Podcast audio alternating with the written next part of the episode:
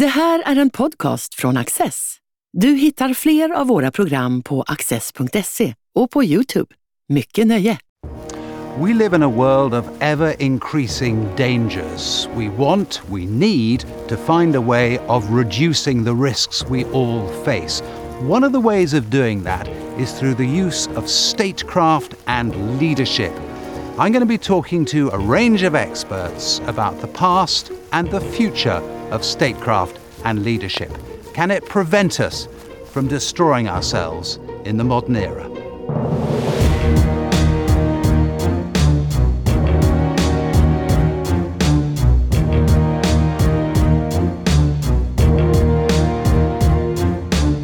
Henrik Meinander is the biographer of Gustaf Mannerheim, the most renowned Finnish officer and statesman in modern history.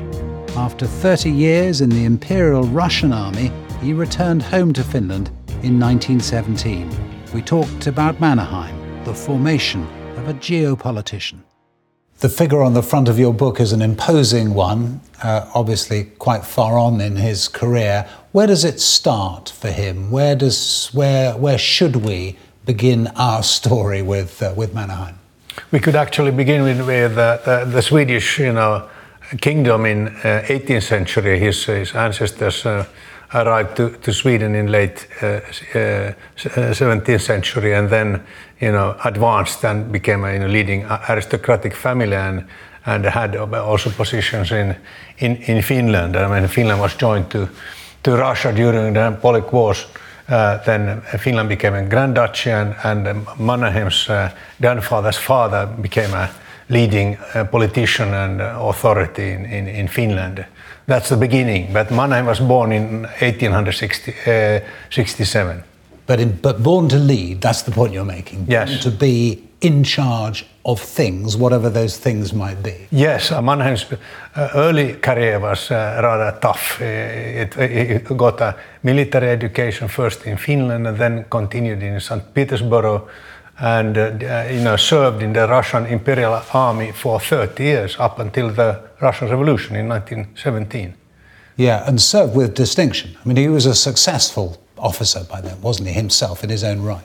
Very much so, and, and that was, of course, because of his background. So he served in the Chevalier Guard, that was, uh, you know, uh, uh, close to the imperial family. And uh, the Emperor Alexander III's wife was a Danish uh, uh, princess, so they could communicate in Scandinavian language. And, so, and he was also very then efficient in, in, in so to say, networking, one could say. Uh, so, uh, uh, but then the, the, lucky turn in, his career was actually pretty, he married a rich aristocratic woman. Uh, that then uh, marriage was dissolved in beginning of 20th century but then he took part as a voluntary in a Russian-Japanese war and uh, 1904 1905 but the most important thing was when he was he had a, espionage uh, trip through Central Asia, and that really toughed him, you know, and made him, you know, was a kind of uh, because it also accelerated his uh, uh, military career, but also uh, had a very strong impact on his, so to say, character. Right. So this is a person who is born aristocratically, who leads um, a, a, relatively um, um, comfortable early life, but you're saying through this trip was toughened. Toughened how? I mean, what, what were the physical things that he had to cope with that were part of forming him? That was, I mean, it was a, you know, a really tough uh, ride through Central Asia, like 14,000 kilometers. I don't know what in miles, maybe it's uh, 10,000 um, miles. Uh, and uh, uh, it was one and a half year long expedition. Uh, and it was covered up as kind of a scientific expedition. So he was also taking much photos and and uh, collecting ethnographic material, but at the same time doing notes and you know sorting out how Russia could expand in the next war against uh, China. That was the so to say the the mission. Right, and he was very successful at it. So not only did he cope with adversity, but he actually pleased those who had sent him. very much so. And so he, he describes in his memoirs when he returned to St. Petersburg and, and then uh, had audience to, to, to the emperor Nikolai Nicholas II that he was so interested that, he, that it took much longer time than uh, expected this uh, the audience and uh, after that then he advances swiftly to, to you know leading position in, in Russian army in, in Poland and Warsaw. Yeah. So he's got the, the, the physical side of things sorted out. You mentioned, I think, his networking ability earlier on. That's obviously something about him, which presumably had from a, a, a young age, that ability to get on with people and, and to persuade people. Yes, I mean, he had uh, also, of course, a number of shortcomings. He was not good in managing, you know, money. Uh, and that was one of the reasons why the, the marriage was not a success. But also, otherwise, he was, you know, uh, very interesting in, you know, uh, you know, because a Chevalier Guard officer, you you ought to be, you know, precise with how you, you know, behave, how you clothes you use. In St. Petersburg was a metropole, and uh, you know, in the same almost standard as London or Paris. Uh, uh, so, uh, but he was of course a streber as, as, well. You know, he was able to. Uh, this is one of his very important characters that he was able to, he had a very strong sort of, uh, sort of uh, stamina, but also a capacity, an astonishing capacity to avoid really catastrophes. Huh. And that is also important for, for a successful career. Luck. Yeah, you could. I mean, you can call it, call it a luck, but if it is, is through your life, it's uh, yeah. I don't think a person can have luck through all his life. No, I mean, I'm thinking of Winston Churchill, really. Bad with money, um, yeah. lucky at various stages. Although, yeah. as you say, I think he would say if he were here, no, you make your luck. Yeah. And, and you're saying Mannerheim made, made his luck. Yes, although I, I have to admit there was some, you know, uh, uh, astonishing, you know, turns in his career in life that really cannot be explained by some, you know, rational, uh, you know, reason. There was really uh, a number of occasions where he could have been killed or totally lost his position or, uh, future. Uh, but actually, I'm, I'm, doing you know a, a number of uh, uh, comparisons between Mannerheim and Churchill because. Churchill was a bit younger than Mannerheim, but both began their career as cavalry officers. Mm uh, Churchill uh, served in Bombay for five years and played polo. That is actually what Mannerheim played also St. Petersburg. And then they both were, in a way, imperialists. Mannerheim, uh, up until the Russian Revolution, he was a, one could uh, call him a Russian uh, imperialist. That was his, so to say, perspective, worldview. Mm. Uh, tell us about the moments that he came close to death or diced with death? What, what, what, were, what were the circumstances where he could have been gone, snuffed out, mm. but wasn't? The first, uh, you know, uh, situation was, of course, during the Russian-Japanese War, when he, you know, was on, uh, you know, uh, leading expedition, sorting out the Japanese positions in on, on the front, and they, they were, you know, truly, you know, dangerous situation. And then, of course, uh, during the, the espionage uh, you know, mission through Central Asia. You know, he had a number of assistants that lost their lives. And then, of course, during the Russian Revolution, uh, when, when he returned from Odessa in, in, uh, in December through uh, the you know, revolutionary Russia, where, when the train then went from Odessa to, to Moscow, from Moscow to Petrograd, the name of uh, Petersburg at that time and and there were, there were the revolutionaries uh, uh, uh, then killed a number of high officers, and he was he was clothed in in, in military uniform, so it was very dangerous. Why did they not kill him? They just not find him. Yeah, I mean, actually, they, there was one situation at one uh, railway station that they uh, already were dragging him out, but then for some coincidence, the train began to move, and so they left the, the train, the revolutionaries. The next railway station, he saw, yeah, you know, the, the blood of, of uh, you know, of one of his general colleagues uh, killed at the railway station. So it was really a dangerous situation. Then the revolution spread to, to Finland, and Mannerheim had returned to Finland and led the counter-revolution, successful, whereas his colleagues in Russia were not successful. Mm. Tell us about that, that leadership role then. So the Russian Revolution has happened. He comes back to Finland. What does he do?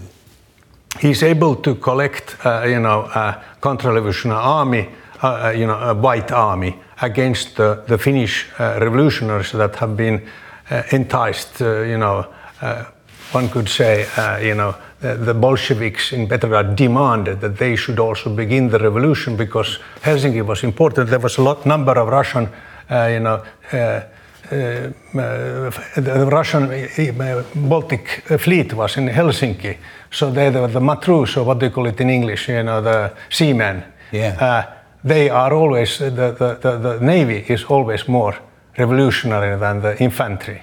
So that's why they wanted the revolution to spread through Finland to other parts of, of Europe. And uh, so actually the, the more violent part of the Russian Revolution began in, in Finland, in Helsinki. And Mannerheim was able then to collect and, and organize a, a counter-revolutionary army that with uh, German help then crushed the, the, the revolution and uh, ended then in, in, in, in uh, he, uh, you know, leading a parade uh, in into Helsinki the 16th of May 1918. That was his, so to say, biggest, you know, public triumph in his life. And when you call it a public triumph, yeah. Was he personally, did he personally uh, uh, take responsibility, as it were, for that outcome in Finland? Did the Finnish people say, yes, this is the person who organized the counter revolution, stopped us going the same direction that the Soviet Union uh, yes and no. Yes and no, because you know, uh, um, because of his background in Russia, there was a lot of things that were uh, had uh, you know, suspected that he was more imperialist than you know independent. You know, a person in, in, in favor of Finnish independence because Finnish independence had been declared uh, at, one week before he arrived to Finland. Uh, so that was there was a lot. Not only, of course, the revolutionaries, you know, saw not with uh, you know with a gentle mind uh, him, but also some some uh, independent uh, now parties. But of course, he was he was the hero in in May 1980. But at the same time, you have to remember that it were German forces that came from south, so they had actually arrived to Helsinki before Mannerheim and had arranged their own parade. And Mannerheim was very much against the Germans.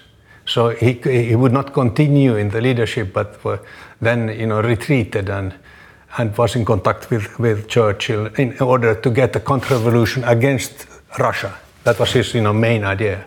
And at that stage, had he um, stopped being, in any sense, a Russian imperialist? So when people were suspicious about him, were they right to be suspicious about him, or actually had he reinvented himself by then as a, as a Finn? This is a very crucial question, actually. This is a very crucial question because uh, uh, uh, I claim in this book that uh, he uh, had, in, in a way, a realistic idea than when he thought that the Bolshevik rule would be short lived. You know, it, it was actually not very probable that the, those bandits, as Mannerheim thought, it would, it would prevail in power. Uh, so therefore, he was preparing also for a situation after this kind of short revolution. Uh, he was, of course, a patriot, Finnish patriot, but uh, um, took also in count that possibly things would change because the white Russian generals were not in favor of independent Finland. So he had all those uh, options open. Uh, so I cannot, uh, you know, answer you, you know, yes or no, but uh, it's a fascinating idea. Though. Yeah. So I mean, might, if things had worked out differently, he might have gone back to Moscow, back to Russia, and, yes, and, and lived out a, a, career there. Yes, actually, some of, of the Finnish politicians, as late as there's an interview in 1930, uh, in a politician that next year then became elected president, that in an interview said that if the the uh, emperor would have been restored, Mannerheim would have returned to St. Petersburg. That was of among some persons the attitude towards Mannerheim. So it was really not uh, as clear cut as many people might think. What were his politics? I mean, by this stage, uh, after the revolution, we understand that he, he doesn't approve of the re- revolution, but in, in a broader sense, what, is, what does he make of, of, of modern politics in the early part of the 20th century? Where should he stand? I mean, he was an aristocrat. He, his uh, uh kind of attitude towards uh, political democracy was skeptical, but he was not a fascist or not uh, not even a right radical, but he was a conservative and had a kind of his attitude towards because Finland had got got uh, then. Uh, democratically uh, elected parliament and uh, got a republican constitution that he actually as a as a regent then then uh, signed in summer 1990 and he took part in the first presidential election but lost it because he was understood too much as a as a right wing military uh, personality. But I would say that he was he was close to the conservative party uh, but despite there was a language feud going on in Finland between the Finnish-speaking majority or rich elite and the Swedish-speaking uh, uh, minority and its elite, kind of question of, of struggle of power, one could say. Mm. so he was not interested in that. For him, language was not important because you know his mother language was Swedish, but he spoke you know French with his wife and with French, and then he learned uh, also of course, Russian and English. He was pretty good in English. Right. So we then get to the World War uh, yeah. and, and his uh, ability to cope with not only what is happening, but also to forge for himself a way through that. He was a kind of private man up until uh, early 1930s, and then he, he was restored as a kind of uh, uh, advisor for the president. Uh, but they, they thought he was not anymore a threat or a, they, the, those who were you know, middle age uh, officers thought he was already over like uh, uh, 70 years, uh, 60 years old. So they thought it, no, it was no threat to their own career. Uh, but when the Winter War broke out in 1939, he was named the commander in chief at 72 years old. Why was that? Because he was as a kind of advisor and his understanding of geopolitics was so obvious for for the political leadership, uh, and so they really needed him not only not necessarily in the first place as a, as a, as a military leader, but as a kind of geopolitical uh, person who could combine uh, the, the, the, military thinking with the geopolitical thinking. What was his sense of how that geopolitical thinking could be brought to bear on the various issues that there were surrounding the war, but also surrounding what should happen after the war. Yeah, I mean, he was uh, he saw uh, already in the mid 1930s that the clash would uh, would soon uh, come between Soviet Union and Germany, Hitler's Germany, and Finland was in a way not really crushed between, but still, uh, you know, if Hitler wanted to attack uh, Leningrad,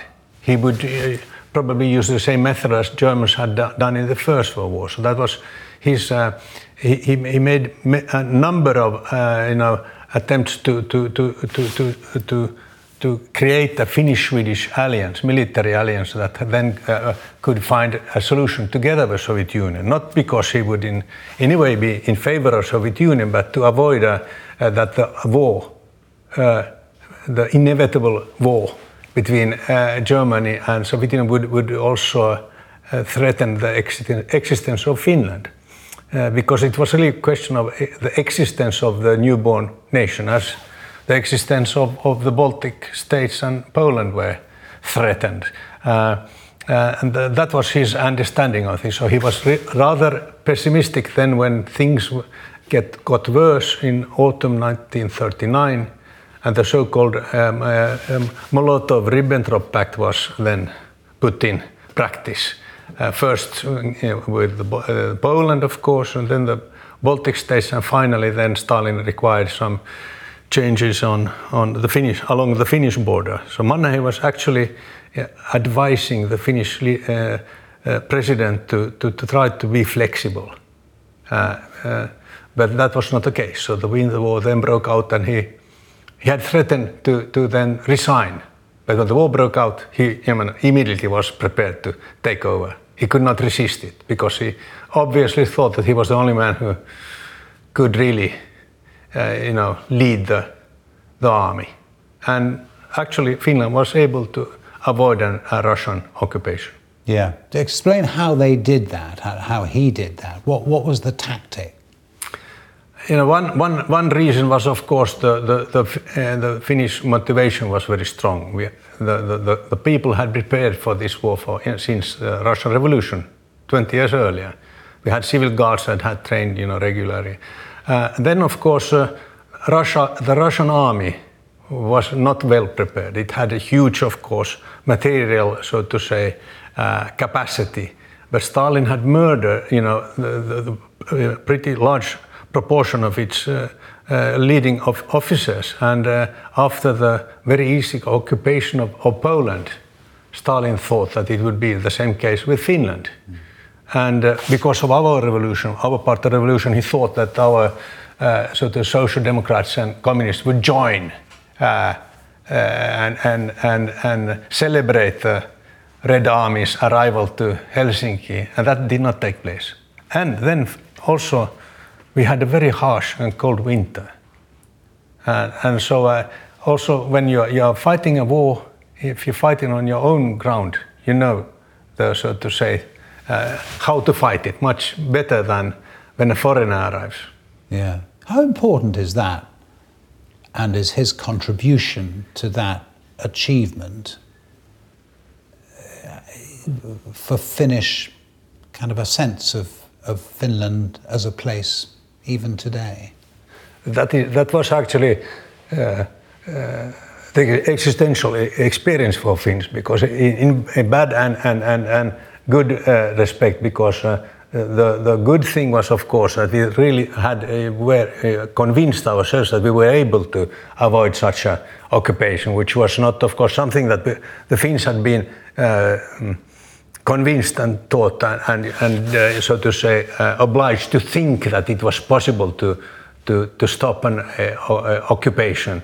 But in, when we look at the, you know, uh, number of uh, you know tanks and, and uh, troops that that the Soviet Union had in it was of course a very challenging task. So the, the reason why also Finland avoided occupation was that Stalin then became afraid of that the front, that he would be uh, dragged into a war also with the Western powers, uh, with Great Britain especially.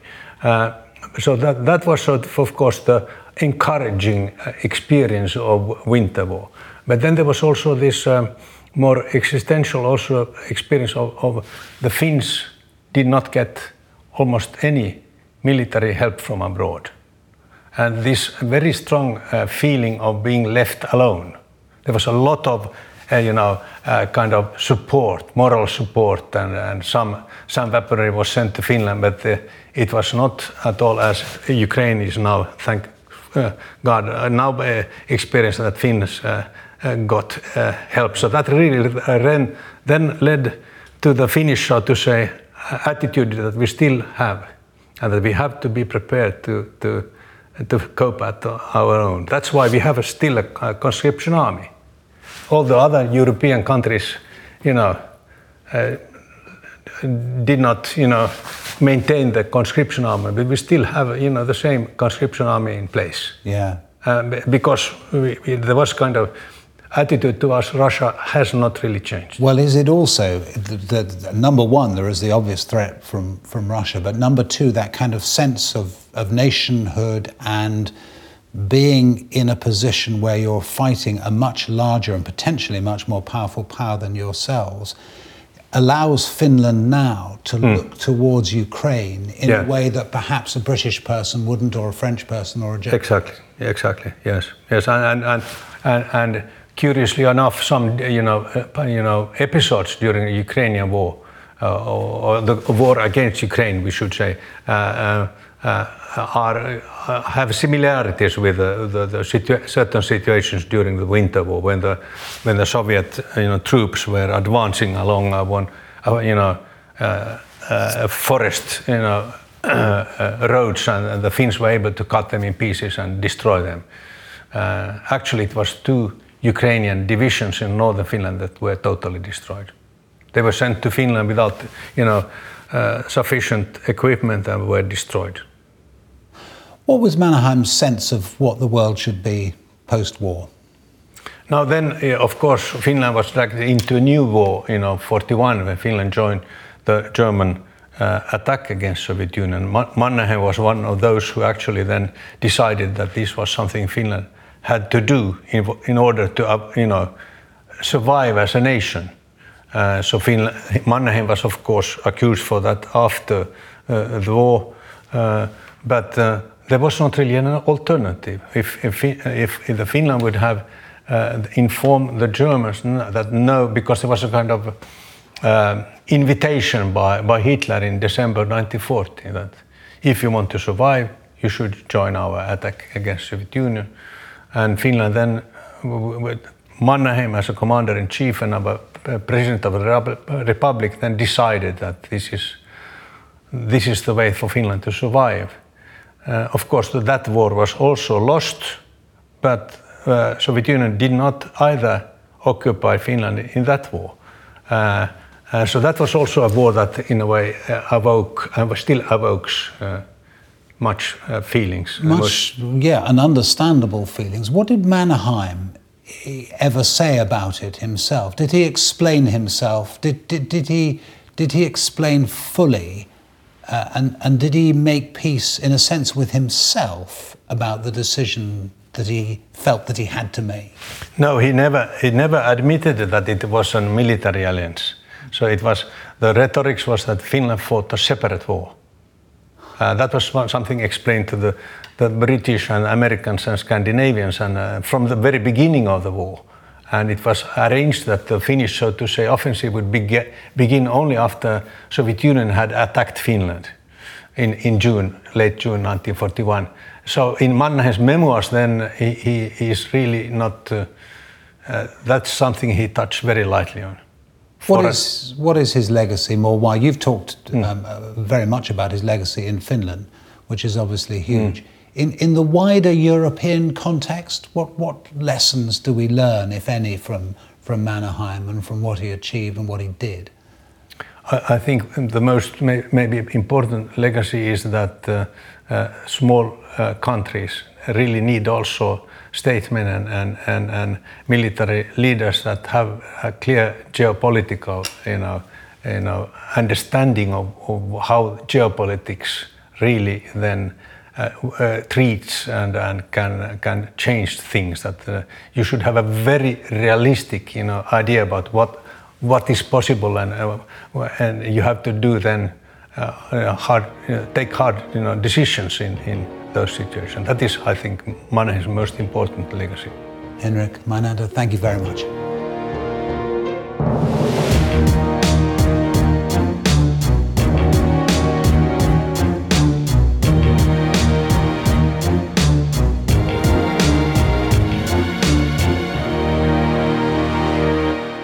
Du har just lyssnat på en podcast från Access. Du vet väl att vi också är en tv-kanal och tidning? Teckna en prenumeration idag på access.se.